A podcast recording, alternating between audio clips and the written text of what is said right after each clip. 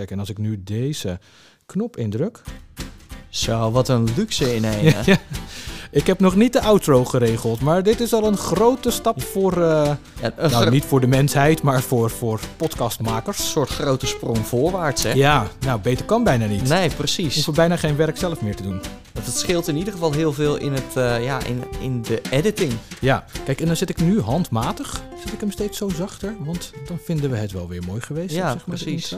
Nee, eh, hartstikke goed dat je luistert. Wij zijn een beetje aan het aanrommelen met allerlei effecten en mogelijkheden die wij hebben met onze podcaststudio. Eh je luistert naar onze, onze podcast Na de Les. Eh, ik ben Gertjan Reus. En ik ben Piet de Graaf. En eh, met deze podcast gaan we jou proberen meer te vertellen over de geschiedenis dan dat in de geschiedenisboeken staan. En vandaag hebben we een mooi onderwerp. Vorige keer hadden we het over het verrotte leven in de middeleeuwen.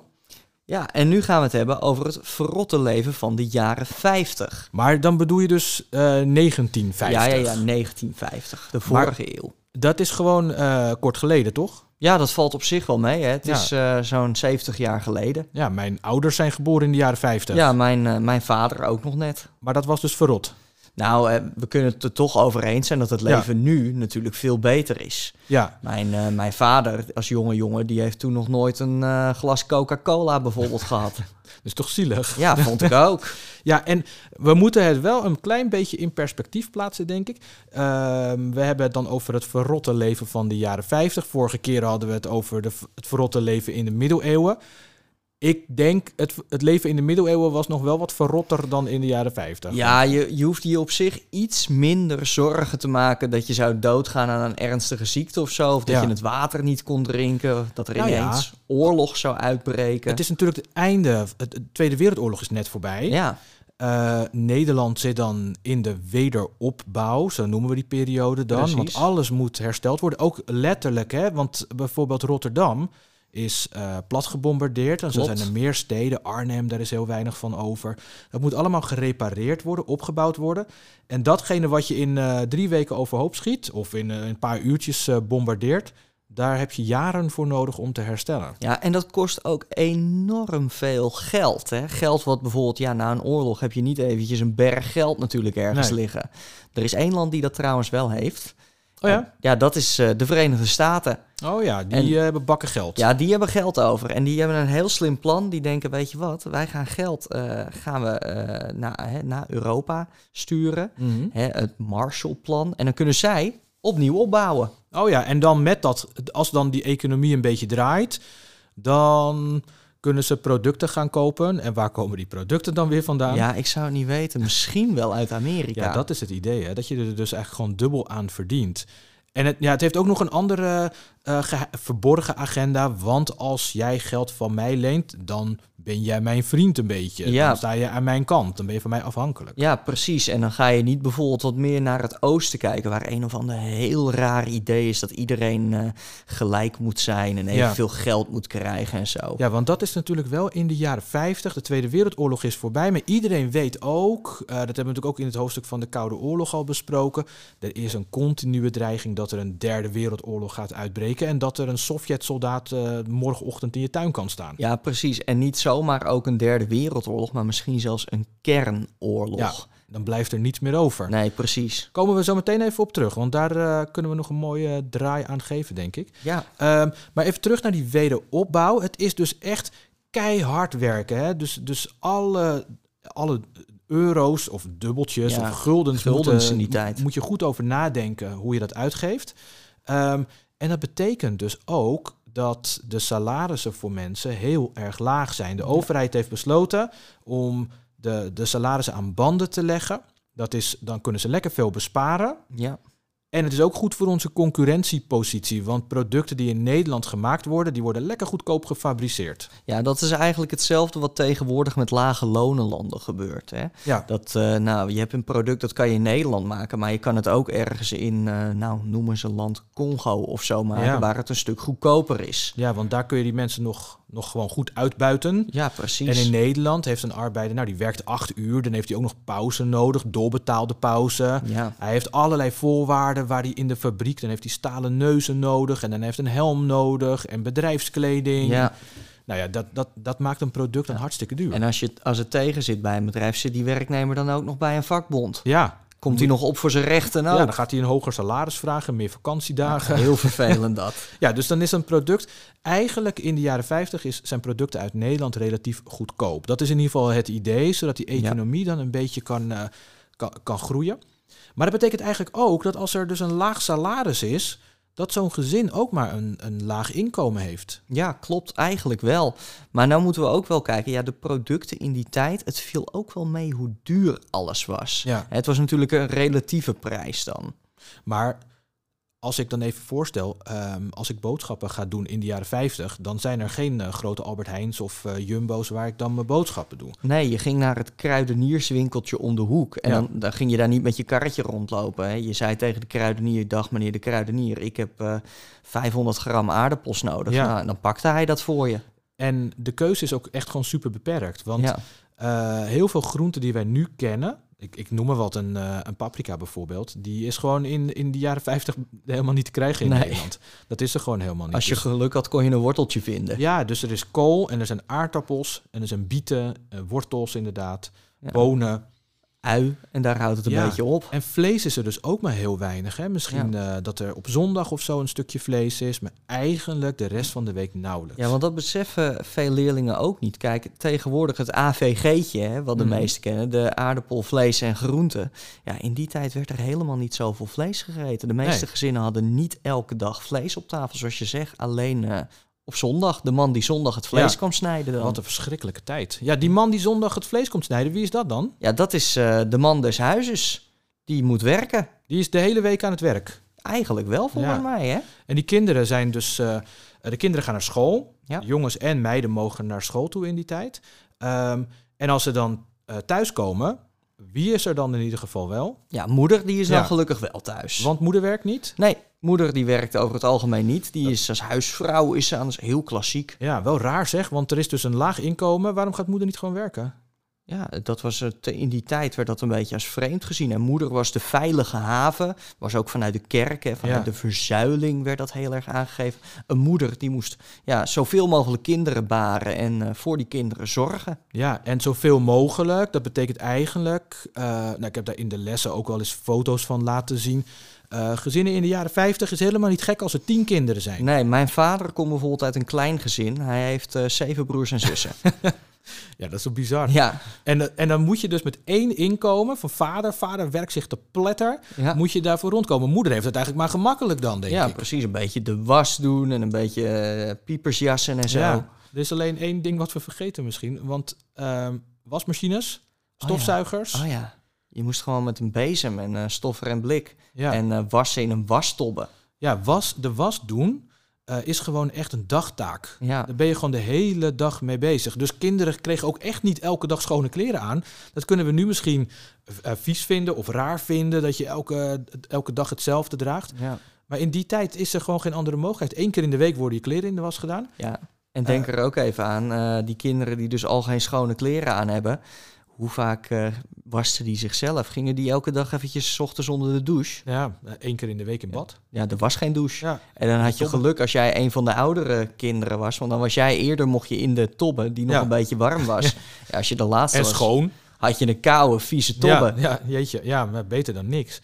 Ehm, dus, dus, nou ja, moeder heeft dus eigenlijk het... eh, is- echt best wel een pittig bestaan. Want die is dus de hele dag bezig met eh, huishouden. Ja. Om dat allemaal netjes te houden. Die moet eh, zorgen dat het eten op tafel staat als vader thuis komt. Maar die moet ondertussen ook nog voor dat, die hele kudde kinderen zorgen. Ja, precies. Dus die heeft het gewoon, ja, die, dat is gewoon een, eh, een 40 uur werkbaan, is er niks Ja, bij. Want een, een buitenschoolse opvang is er natuurlijk ook niet in Ja, die besta- tijd. bestaat gewoon niet. Nee, dus, dus eh, nou, bij deze een eh, extra pluim voor alle moeders die dan eh, in die tijd eh, dat hele huishouden draaiende hebben gehouden.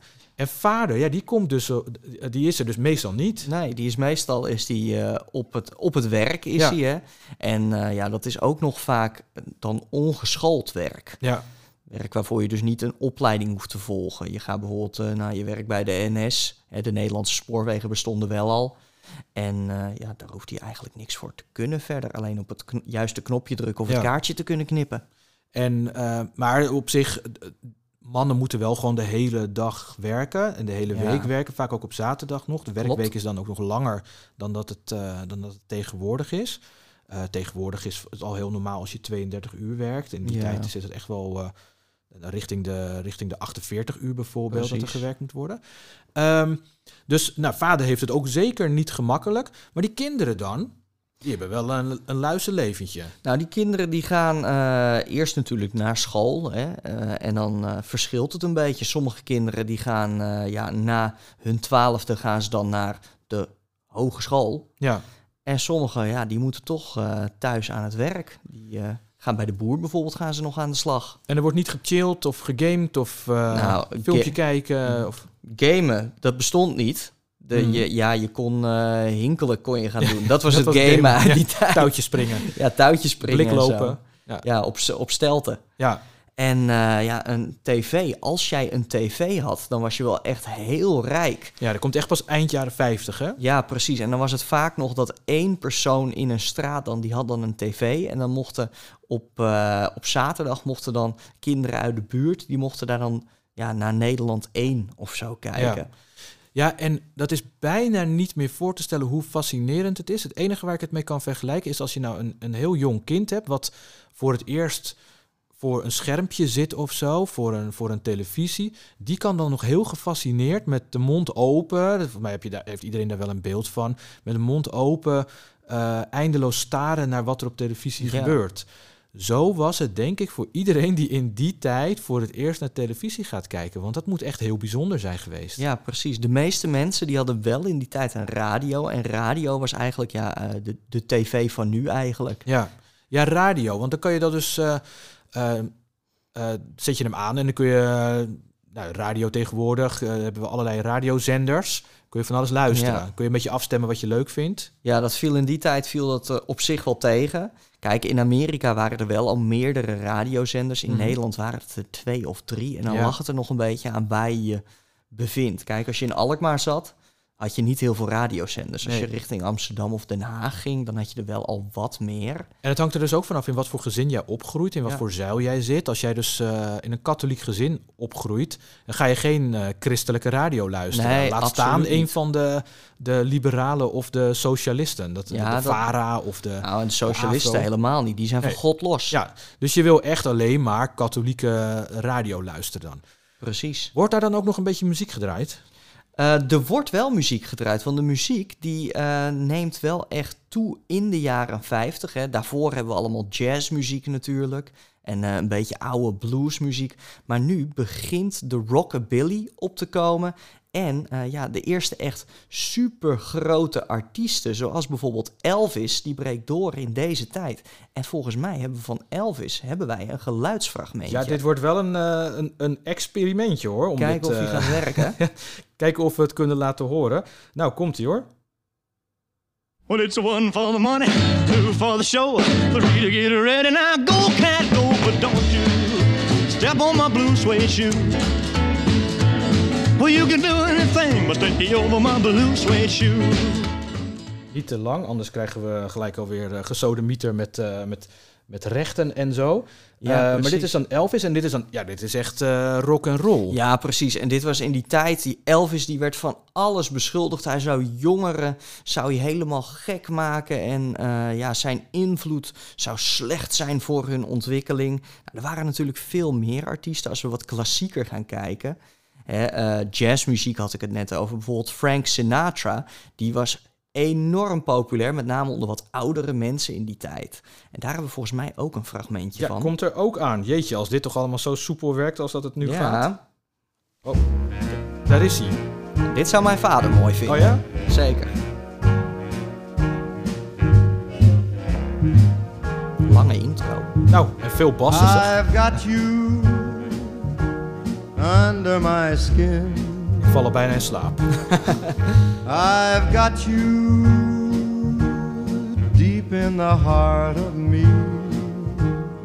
Maar dit is wel eh, ja, moeilijk te vergelijken met, eh, met Elvis Presley. Dus het Ja, zijn wel zeker. verschillende doelgroepen. Dus er zijn verschillende doelgroepen, maar ja, de, de rockmuziek die komt dus echt op in deze tijd, met alle gevolgen van dien. En dan moeten we het misschien wel eventjes over het enige originele nummer, want hier tussen zit hebben. Want eh, nou, als we het over hè, Blue Suede Shoes hadden we net, dat Mhm. is een cover.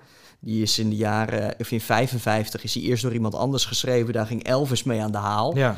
En Under My Skin, dat is ook een cover uit, eh, uit 1928. Jeetje, is Frank Sinatra oud. gecoverd. Ja. Maar ja, zijn er dan originele artiesten? Nou, die zijn er zeker. Want je hebt bijvoorbeeld Chuck Berry met eh, Johnny B. Good. En die kennen sommige mensen misschien wel van de film Back to the Future, als je die Ja. nog gezien hebt. Ja, en volgens mij hebben de Beatles ooit wel eens gezegd... als rock and roll een nieuwe naam zou moeten krijgen... dan hadden we het Chuck Berry moeten noemen. Ah. Eh, omdat dit echt de, de godfather van de rock and roll muziek is. Zeker. Nou, komt die even hoor, eh ome Chuck.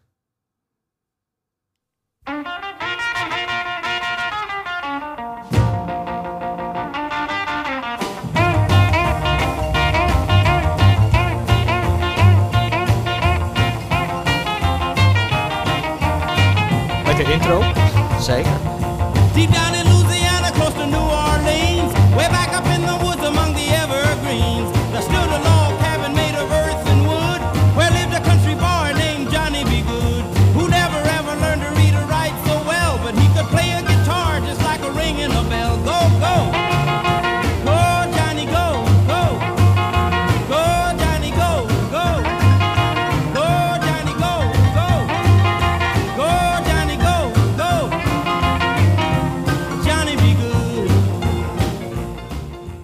Daar dan eh ome Chuck dan nog maar eventjes. Ja, precies. Nou ja, maar wat ik me wel afvraag, eh, jongeren in die tijd, die willen eh, muziek luisteren. Ja. Maar is daar dan wel geld voor?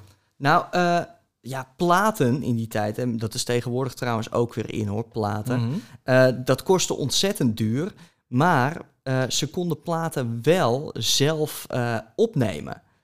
Oké.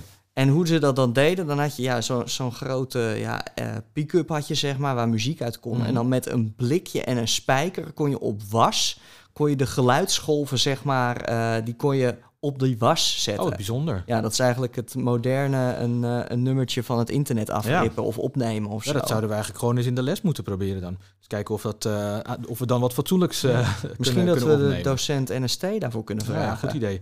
Maar ehm, echt muziek kopen, dat komt eigenlijk pas na de jaren 50. Hè? Want de jaren 50 is gewoon zo arm Ja. dat eh, er eigenlijk geen geld is voor vrije tijd en, ehm, en voor vermaak. Dus een plaatje kopen, daar is helemaal geen, geen geld voor. Want kinderen krijgen ook geen zakgeld in de jaren 50. Nee, want dat klopt. hoor, dat, dat, daar is geen ruimte voor. Ze moeten alles doen met het inkomen van vader.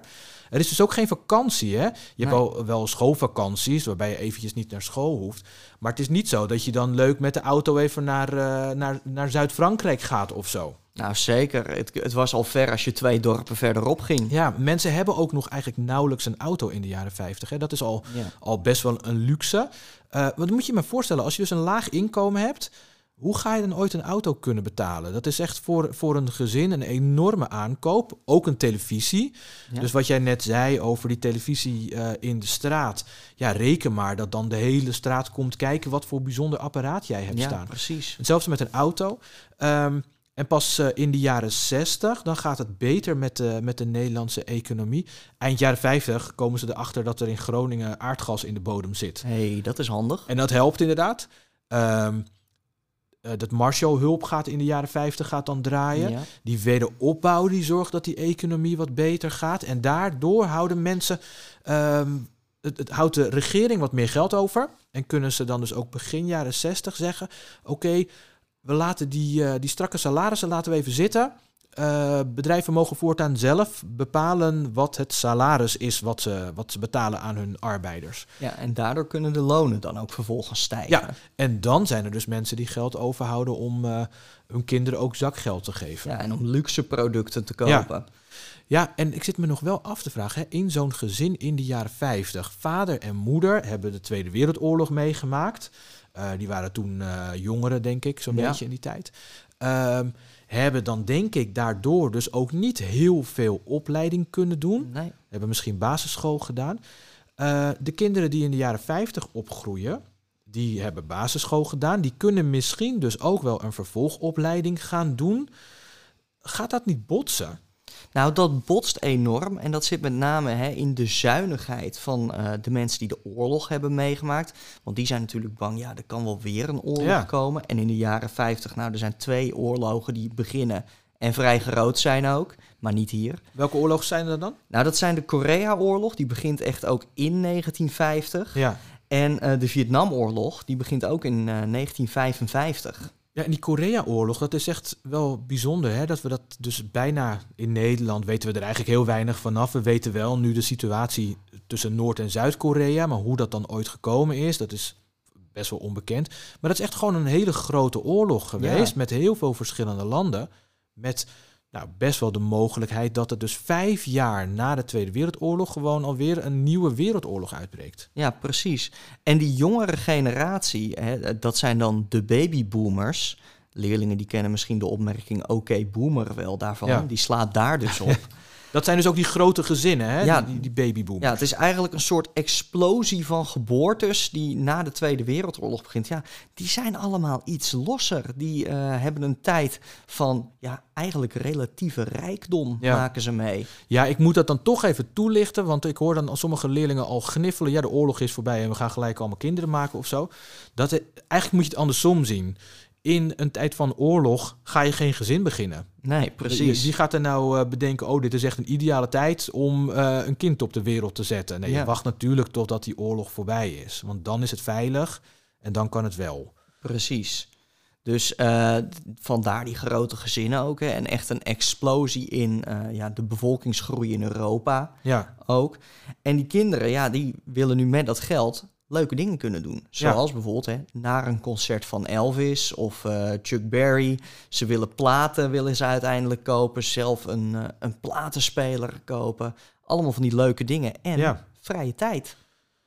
maar ouders die snappen daar natuurlijk helemaal niets van. Nee. Want die hebben gewoon geleerd, je moet je kop houden en je moet heel hard doorwerken, want er moet opgebouwd worden. Ja, en vooral geld, dat moet je apart zetten voor de tijden waarin het minder gaat. En niet uitgeven aan herrie, Ja, van die stomme muziek. Van, rare kleding. Ja, nou, dus als we het eventjes op een rijtje zetten. Ehm, het verrotte leven in de jaren 50. Je groeit op in een gezin met nog een heleboel andere mensen. Ja. Nou, kan leuk zijn, dus hoeft niet zo erg te zijn. Er is eigenlijk wat betreft voedsel en kleding, was ik nog vergeten te noemen. Jij krijgt gewoon in die tijd, er zijn geen eh Hennis en Maurits of, eh, Nee. of, of andere goedkope winkels. Eh, je krijgt gewoon het setje kleding wat je vijf jaar oudere broer al heeft gedragen. Dat gaat gewoon van kind naar kind, gaat dat de hele tijd door. Wordt gerepareerd. Dus kleding is, is heel, eigenlijk ja, armoedig. dus qua mode viel het wel mee ook. Ja, er is dan op dat moment nog vrij weinig mode. Je Ja. loopt gewoon in de oude kleren van je, van, je, van je oudere broers en zussen. Ja, ik heb wel eventjes wat opgeschreven, want blijkbaar zijn Dior en Chanel, die zijn dan wel heel groot geworden in deze tijd. Ja. Maar ja, ik ben Die beginnen dan. Ja, Ja. ik ben wel zo modieus dat ik daar dan weer precies niks van weet verder. Ja, nee, en ja, die beginnen dan inderdaad een beetje. En er zullen vast ook wel mensen zijn die dat dan ook kopen. Maar in een gewoon Nederlands gezin is daar echt, die hebben er echt helemaal nog nooit van gehoord. Nee, precies. Eh, eten is dus echt saai, bonen en, en aardappelen. Ehm, werk is gewoon elke dag heel hard werken. School is elke dag eh, van 's ochtends vroeg, eh, op zaterdag ook waarschijnlijk nog naar Precies. school toe. En als je pech hebt op zondag naar de zondagschool. Ja, na schooltijd ga je niks doen, alleen maar een beetje met je hoepel spelen en eh, met een bal overschieten. ja.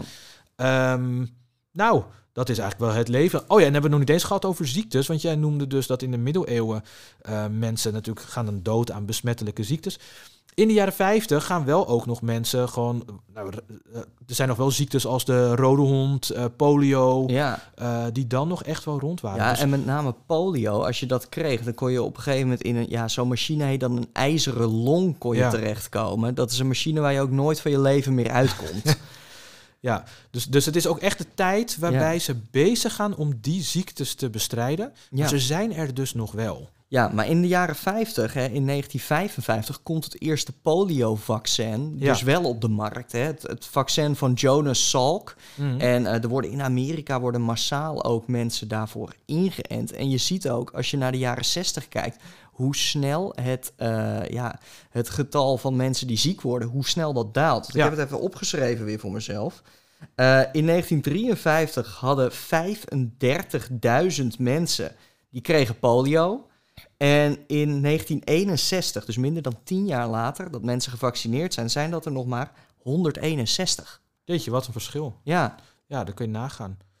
Ja, dus die ziektes die worden bestreden, maar die zijn er dan dus nog wel. Er is een continue dreiging van, eh, van wereldoorlogen. ja.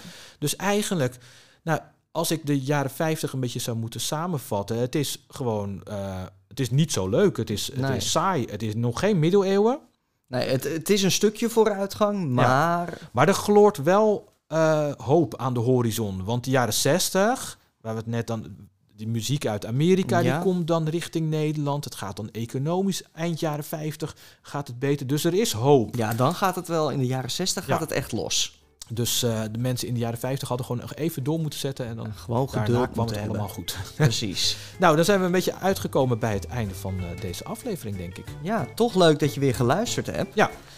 Ik heb helaas nog geen eh outrootje klaarstaan, dus die plak ik er straks nog eventjes achteraan. Ja, dat moeten we volgende keer maar even Ja. uitzoeken nog. Maar eh, dat eh, gaan we straks regelen. Hartstikke leuk dat je luisterde. Ja. En eh, tot de volgende Tot de volgende keer. We zien je naar de les. Dag.